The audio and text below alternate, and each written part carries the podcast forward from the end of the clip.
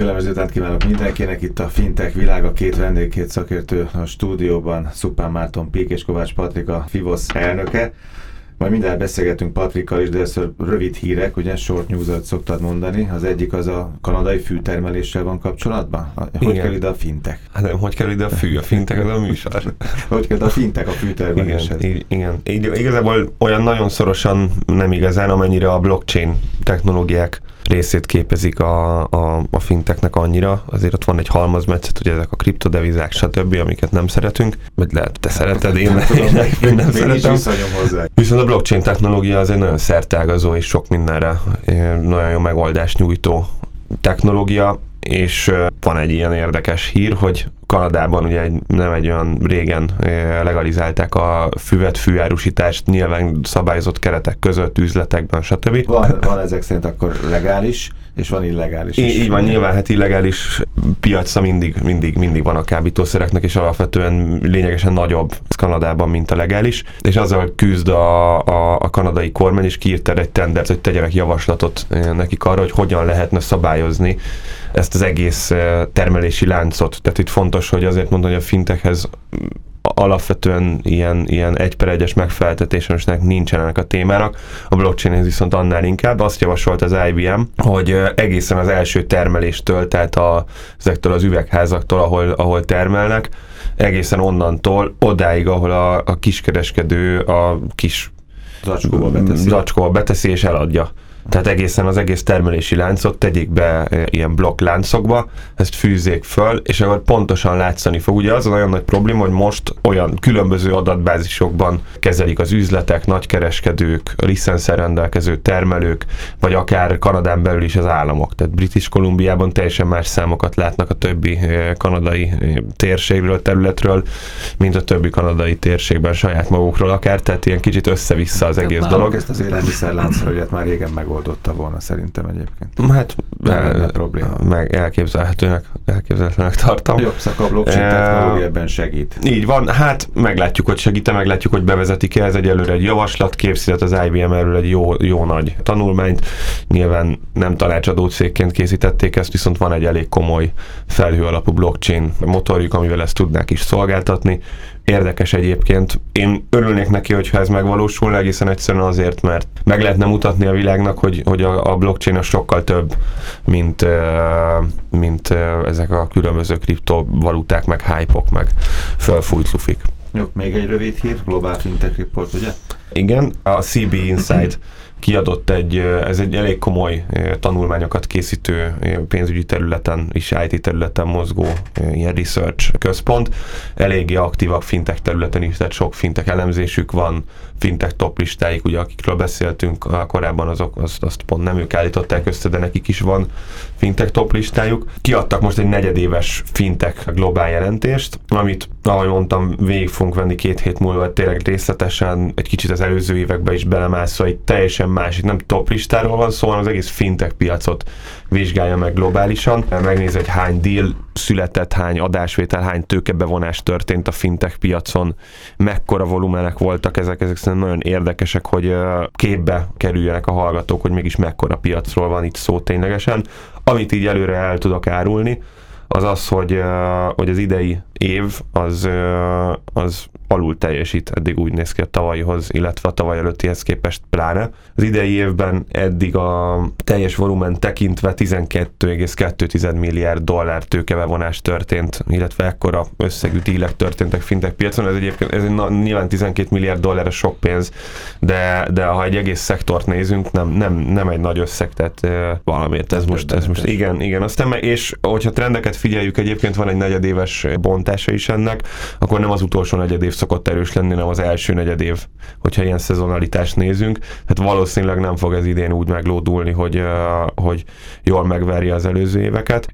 Ami még érdekes talán, hogy ebbe a 12,2 milliárd dollárban 818 darab deal fért bele. Tehát deal szempontjából viszont annyira talán nem kevés, de mondom, ez is globálisan, tehát a több száz országra vetítve volt. Ennyi én azt gondolom, hogy azért itt van még bőven, bőven növekedésre lehetőség, és akkor amit két hét múlva végig fogunk nézni, az, ezek a számok részletesen, de azért nem unalmasan, megnézzük azokat a, a nagy alapokat, azt a tíz alapot, aki leginkább aktív ezekben a dílekben. Nyilván erről pontos lista van, vannak konkrétan fintekre szakosodott befektetési alapok, vagy venture capital alapok, illetve megnézzük a legnagyobb díleket is, az azt gondolom, hogy érdekes. Jó, akkor nézzünk majd... meg még egy hazai dílt is, akkor, akkor jön most már Kovács Patrik, a FIVOSZ elnöke, és már jöttek együtt ketten. November 13 és 17-e között rendezitek meg a fiatal vállalkozók hetét, ez a tizedik alkalom, ugye, és ami összekapcsol benneteket az, hogy közösen rendezitek majd a digitális evolúció napját. Az idei fiatal vállalkozók hetén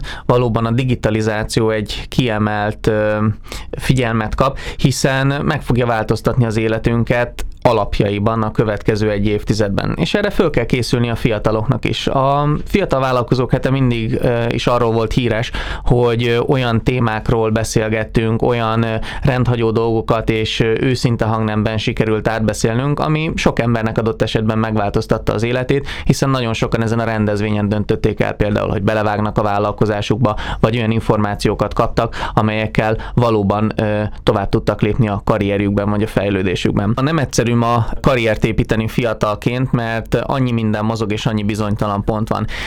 Ha globális számokat nézzük, akkor a következő egy évtizedben akár egy milliárd klasszikus munkahelyet is elveszthetünk. Magyarországon egyébként előrejelzések szerint kb. két millió klasszikus munkahely fog átalakulni a digitalizációnak köszönhetően. Tehát azt mondod, hogy Magyarországon a következő, azt mondják a szakemberek, hogy Magyarországon a következő egy évtizedben az álláshelyek fele tulajdonképpen. Gyakorlatilag majdnem a fele át fog alakulni, hiszen a technológiák megváltoztatják az életünket. De gondoljunk csak bele, hogy ahogy eltűnt például a CD, vagy eltűnt a, a videókazetta a mi életünkben, bejöttek a telefonok, vagy már nem kockás papíron adjuk le a megrendeléseket, hanem különböző szoftverekben, ezek folyamatosan fejlődnek. És nagyon fontos ma egy fiatal számára az, hogy ezekkel a dolgokkal tisztában legyen, és a fiatal vállalkozók, hát én ezért is járunk körbe ilyen hát sorsfordító témákat, mert egyrészt külön napot szentelünk a karriernek, az üzlet és karrier napjának, hogy milyen módon tud például az ember pénzt keresni, és merre fele induljon el. A digitalizáció napján, az a digitális evolúció napján pedig arról fogunk beszélgetni, hogy egyáltalán hogy, vála, hogy változtatja meg a hétköznapi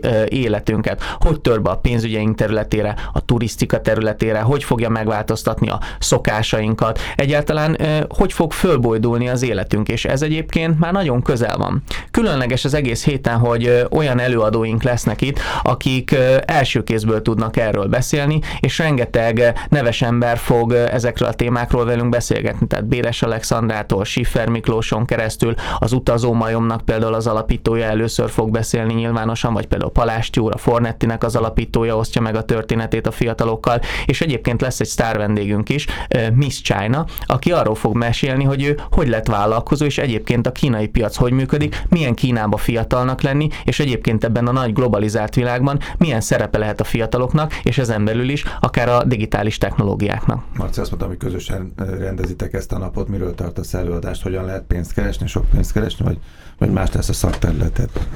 Abszolút csak erről szól az egész nap reggeltől estig. Azért is vagy jó.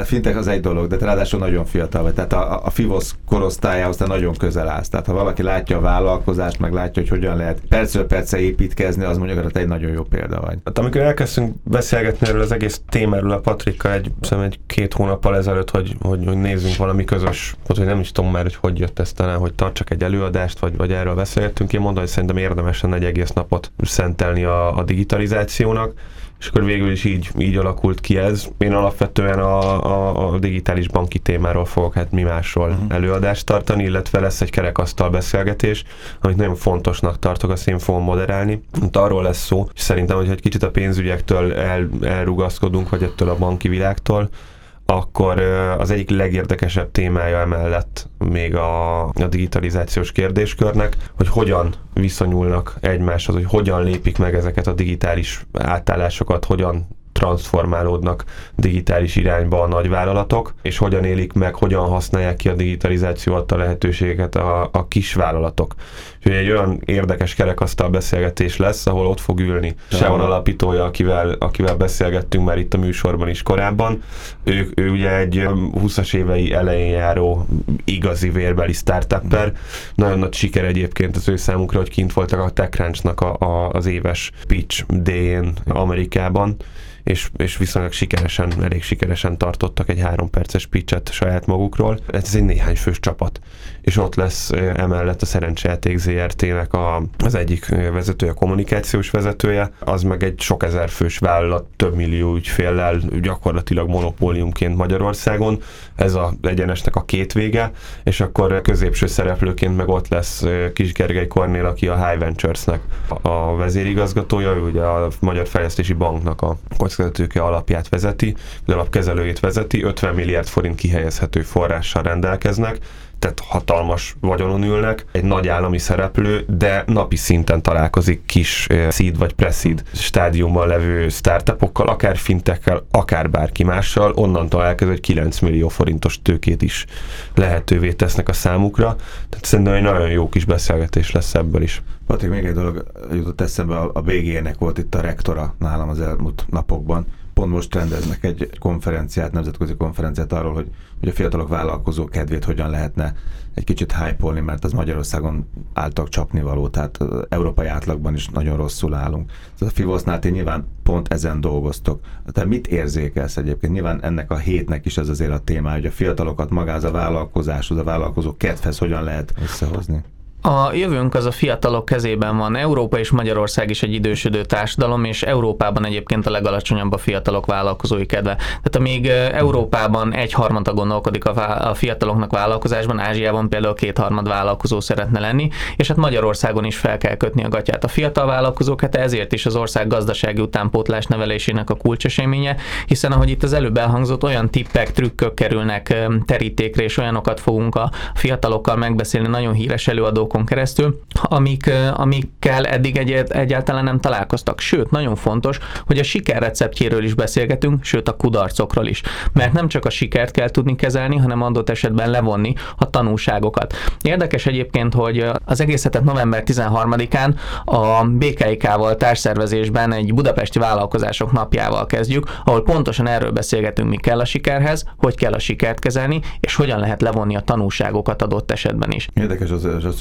olvastam, hogy öt év után aztán már vállalkoznának de a karrierjük első öt évét azt úgy képzelik el, hogy elmennek valahova mondjuk egy multihoz alkalmazottnak, és majd ott már jó fölvértezik magukat vállalkozóságból, pedig ez egy komoly csapda helyzet, mert nem biztos. Csapda hogy... meg egy ilyen tévképzet, én szerintem, tehát úgy vannak vele a fiatalok, hogy kijönnek az egyetemről, és akkor hú, de jobb beesnek a, a nagy multihoz, amit látnak a sorozatokban, meg a filmekben, és akkor majd gyorsan öt év alatt, vagy két év alatt, vagy x év alatt vezetők lesznek, borzasztó jó fizetés, nagyon jó céges autó, stb. stb. és aztán rájönnek, hogy ez, ez nem így van. Nem biztos, hogy jó egyébként, hogy emiatt, vagy ezek miatt a rossz tapasztalatok miatt akarnak aztán vállalkozni. Tehát ez kicsit a kényszervállalkozói irányba löki el ezt az egész gondolkodást. Jó, szóval ez téma lesz akkor 13. és 17 között. Abszolút, tehát a karrier, az, hogy hogyan tudunk pénzt keresni, hogy változtatja meg a digitalizáció az életünket, hogyan lehetünk sikeresek, mi kell hozzá, és hogyan kezeljük a sikert vagy a kudarcot, vagy éppen nemzetközi szintre,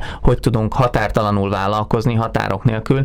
Ez gyakorlatilag mind a fiatal vállalkozók hetének a témája. Egyébként a jó hír, hogy az egész rendezvénysorozatot november 13 és 17 között országosan rendezzük meg, 10 városban lesznek rendezvények, és ingyenes az egész program mindössze regisztrálni kell a fiatal vállalkozók hete.hu-n, viszont nagyon gyorsan elfogynak a helyek, úgyhogy akit érdekel és szeretne egy sorsfordító konferencián részt venni, én azt javaslom, hogy regisztráljon. Köszönöm szépen a digitális evolúció nap. Köszönöm szépen Kovács Patrika, Fivosz elnök és Szupán Márton Pik. Köszönöm, hogy itt voltatok.